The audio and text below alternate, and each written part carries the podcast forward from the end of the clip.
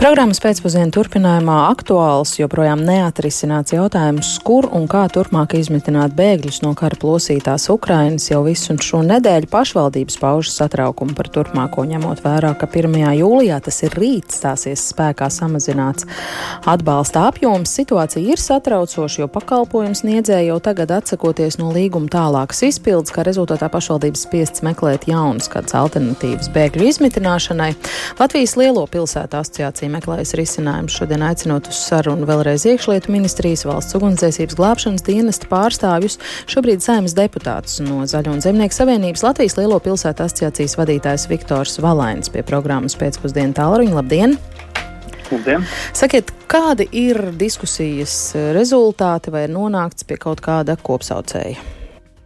Es domāju, ka mums pēc šodienas sarunas ir pilnīgi skaidrs, ka mums ir kopsaucēji ar iekšlietu ministriju un iekšlietu ministrs personīgi arī izprot šo situāciju, bet mums ir jāatrod veids, kā visiem kopā pārliecināt valdību, ka šī pieeja, kas šobrīd ir noteikta atbalsta samazinājums mītnes vietām no 15 eiro uz 3,50 eiro dienā, nu, atstās nepārāk pozitīvas sekas, un jau šobrīd ir uh, virknē pilsētu, mēs redzam to, ka uh, pakalpojums sniedzēja atsakās nodrošināt šo pakalpojumu uh, pa šādu summu, un uh, tajās pašvaldībās, kur pašvaldībām nav iespēju rast savu budžetu līdzekļos, uh, līdzekļus, lai to nodrošinātu, tā situācija ir diezgan uh, sāsināties šobrīd. Protams, paldies um, Rīgas pašvaldībām vismaz terminēti ir radījusi līdz septembrim risinājumu no savas uh, krīzes budžeta šo uh, finansējumu seks, bet um, nu, tā mūsu ieskatā tā nav normāla pieeja un šobrīd tā situācija um, veidojas tāda, ka valsts puse no savas puses šo atbildību pārliek uz pašvaldību pleciem tomēr pašvaldības vienpusēji šo jautājumu nespēs atrisināt. Tas ir jāturpina darīt kopīgi, kā tas ir bijis līdz šim. Un, un tikai tādā veidā mēs nodrošināsim pienācīgus apstākļus um, kara bēgļiem, kas šeit ieradušies patvērties. Kā, nu, Jā. Vai um, finansējuma samazinājums ir tas galvenais, ko pārmetat valdībai, un, un, un ko jūs prasāt, vai atjaunot to līdzšinējā apjomā, kādi ir vispār tie reālākie risinājumi? Es domāju, ka uh, finansējums ir viens no galvenajiem. Protams, ir dažādi administratīvi jautājumi par informācijas pieejamību, par datu apmaiņām, bet tie ir tādi ikdienas risināmi jautājumi, kas arī tiek risināti jau no pirmās dienas. Un, uh, protams, varētu būt labāk, bet uh, tas, tas varbūt nav tas pats galvenais. Pats galvenais, protams, ir šīs. Uh, ilgtermiņa, ilgtermiņa risinājuma nepieciešamība. Šobrīd mēs arī redzam to, ka daudzi Ukrainas kara bēgļi jau šobrīd ir izmitināti dienesta viesnīcās, studentu viesnīcās, skolēnu viesnīcās kas ar 1. septembru būs jāatbrīvo, un tam tur būs jādod iespēja um, studentiem, skolēniem, kam arī šīs telpas ir paredzēts. Ja mēs skatāmies šo, šodienas situāciju, diemžēl nav piepildījušās tās ekspektācijas, ka cilvēki uzņems uh, savās ģimenēs pietiekošā skaitā um, Ukrainas kara bēgļus, uh, nu, tad uh, mums uh, ir jādomā, kādā veidā to risināt, vai tās ir telpu pielāgošanas, vai tas ir kāds cits jautājums. Nu, mēs, esam, mēs no savas puses esam izteikuši piedāvājums un arī gribam, lai mūsu valdība vairāk ieklausās un sadzird. Bet kādi tad vēl ir tie piedāvājumi, ja neskaita finansējuma atgriešana iepriekšējā apjomā? Telpu pielāgošana, kas vēl tā? Protams, protams, īsi. protams telpu, telpu, telpu pielāgošana, kas, kas varētu būt arī ne tikai finansiāls, bet arī administratīvi rast risinājumu, lai šos iepirkums un dažādas šīs birokrātiskās procedūras varētu veikt ātrāk, nu, nekā tas ir šobrīd. Bet uh, ir arī piedāvājums, kas šodien uh, no Rīgas mēra izskanēja, mēs arī ar citām pilsētām aps, apspriedām, ka tas varētu būt arī kā risinājums un virzīsim to kā priešlikumu, tātad uh, šīs uh, um, krīzes uh, vietu izveidošana, tātad krīzes rezerves Kur, nu, tad, uh, Jā, Rīgas mērs mums izstāstīs pats savu piedāvājumu. Jā. Kā ir par citām lielajām pilsētām, ne Rīgu runājot, vai vēl kaut kur citur situācija ir tuvu tik kritiskā galvaspilsētā? Nu, es domāju, ka pilnīgi visās, pilnīgi visās valsts pilsētās šobrīd ir sasniegts uh, kritiskais līmenis, tātad šī kvota ir izpildīta, un, uh, nu, piemēram, Jelgavā šodien uh, arī nāca ziņa to, ka divi pakalpojumu sniedzēji atsakās turpināt tālāk šos līgumus, un tātad šiem cilvēkiem būs jāmeklē jauna vieta, bet Daugavpils valsts pilsētā jau šodien ir uzteikts uh, vienā vietā 70 uh, Ukrainas kara bēgļiem šī vieta, un viņiem ir nu, jāmeklē jauna vieta. Un tā vieta, kas um, šobrīd ir pieejama, nu, tad viņa nav uh, nu, tāda līmeņa vieta, kur mēs gribētu izguldīt uh, cilvēku, kas nonākuši šādā nelēmumā. Nu, Paldies! Risinājumi nav normāli šobrīd, jā. Paldies, Paldies. Viktoram Valēnim, arī Valmieras novada kapitāla pārvaldības uzņēmē darbības atbalsta nodeļas vadītājs Sandis Svarīnskis pievienojas mums programmā pēcpusdienu. Izstāstiet, uh, lūdzu, konkrēti kāda situācija ar bēgļiem Valmierā, vai jums ir kur uzņemt ukraiņus? Jā, labdien!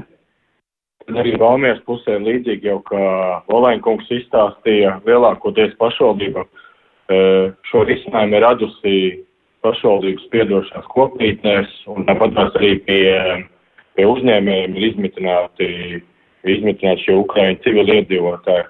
Stāsts nav viennozīmīgs. Protams, kad šīs sarunas notiek ar uzņēmējiem un regulāri arī tiek pārunātas, kāda šobrīd arī paši Ukraiņi, kā viņi uzvedās un kā viņi patiesībā attiecās, jo dažreiz situācijas varbūt ir nedaudz savādāks, kā mēs to uztveram. Nu, lūk, un, Cik kritiska tā situācija ir, vai jums ir viņus vēl kur likt vai ne?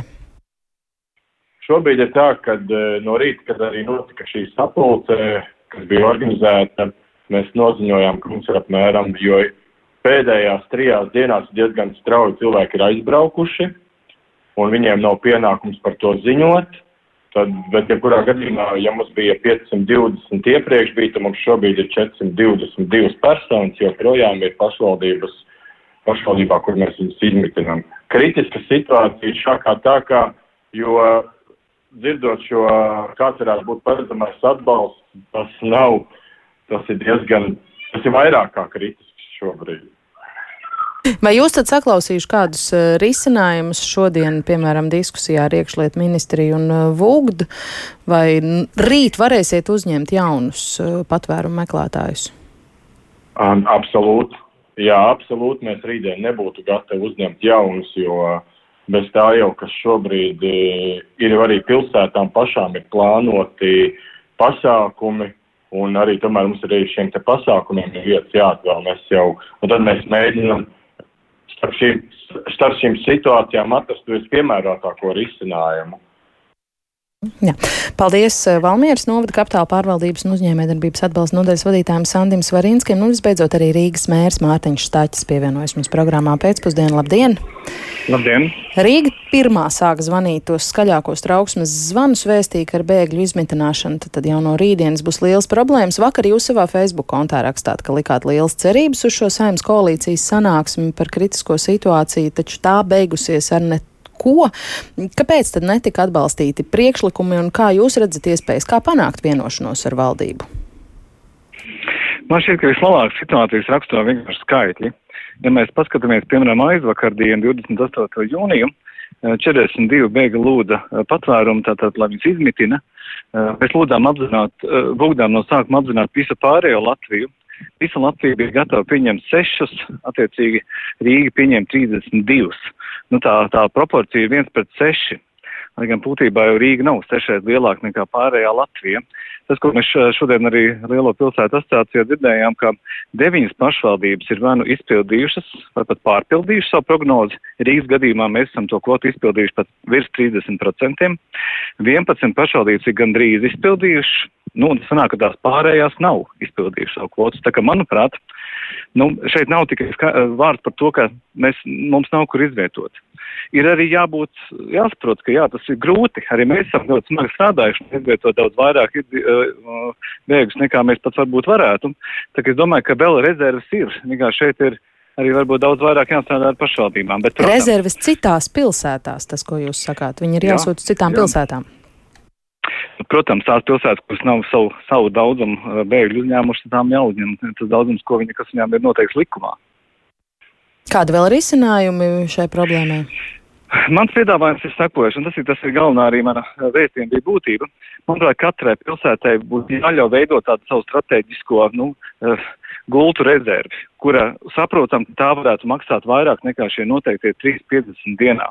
Nu, Rīgas gadījumā tie būtu vismaz 2000 vietu, kurās tad mēs maksājam nevis 3,50, bet nu, vismaz pirmos divus mēnešus tos pašus 15 eiro, nu vai 12 eiro, un mēs mēģinām sarunāt labāko cenu.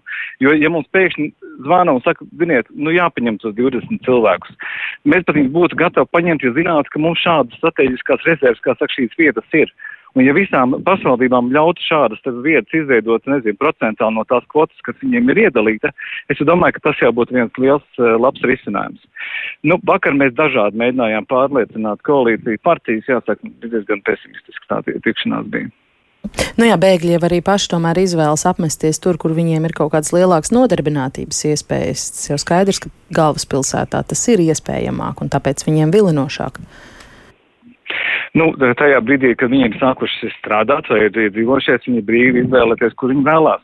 Bet tajā brīdī, kad viņi atbrauc ar koferiem un saka, lūdzu, mums kaut kur nometiniet, nu mēs viņus nometināsim arī cits pašalīgi tur, kur varēsim, ne jau tur, kur viņi gribēs tajā pirmajā brīdī. Kādi ir tie ātrākie risinājumi, lai cilvēki, kā jūs pats rakstāt, jau rīt vakar naktī uz sestdienu nepaliek bez pajumtes? Ziniet, es šos risinājumus mēģinu atrast kopš 6. jūnija, kad mēs ar ministru kungu tikām, un es tiešām tikāmies pirmo reizi, un es tiešām viņam saprotu, nos viņš cenšas šos risinājumus atrast, bet viņus visu laiku kāds noraida.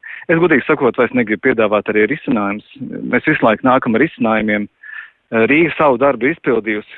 Mēs parūpēsimies, lai cilvēki būtu uh, ar pajumti paši no savas kabas maksāsim. Pa pāriem risinājumiem es drīzāk sagaidu piedāvājumus šobrīd no citiem. Valaņkungs minēja, ka Ukrainas bēgļu izmitināšana citās pašvaldībās varbūt notiks sporta zālēs. Iekšlietu ministrs minēja teltis, telšu pilsētiņa ir reāli iespējamība Rīgā?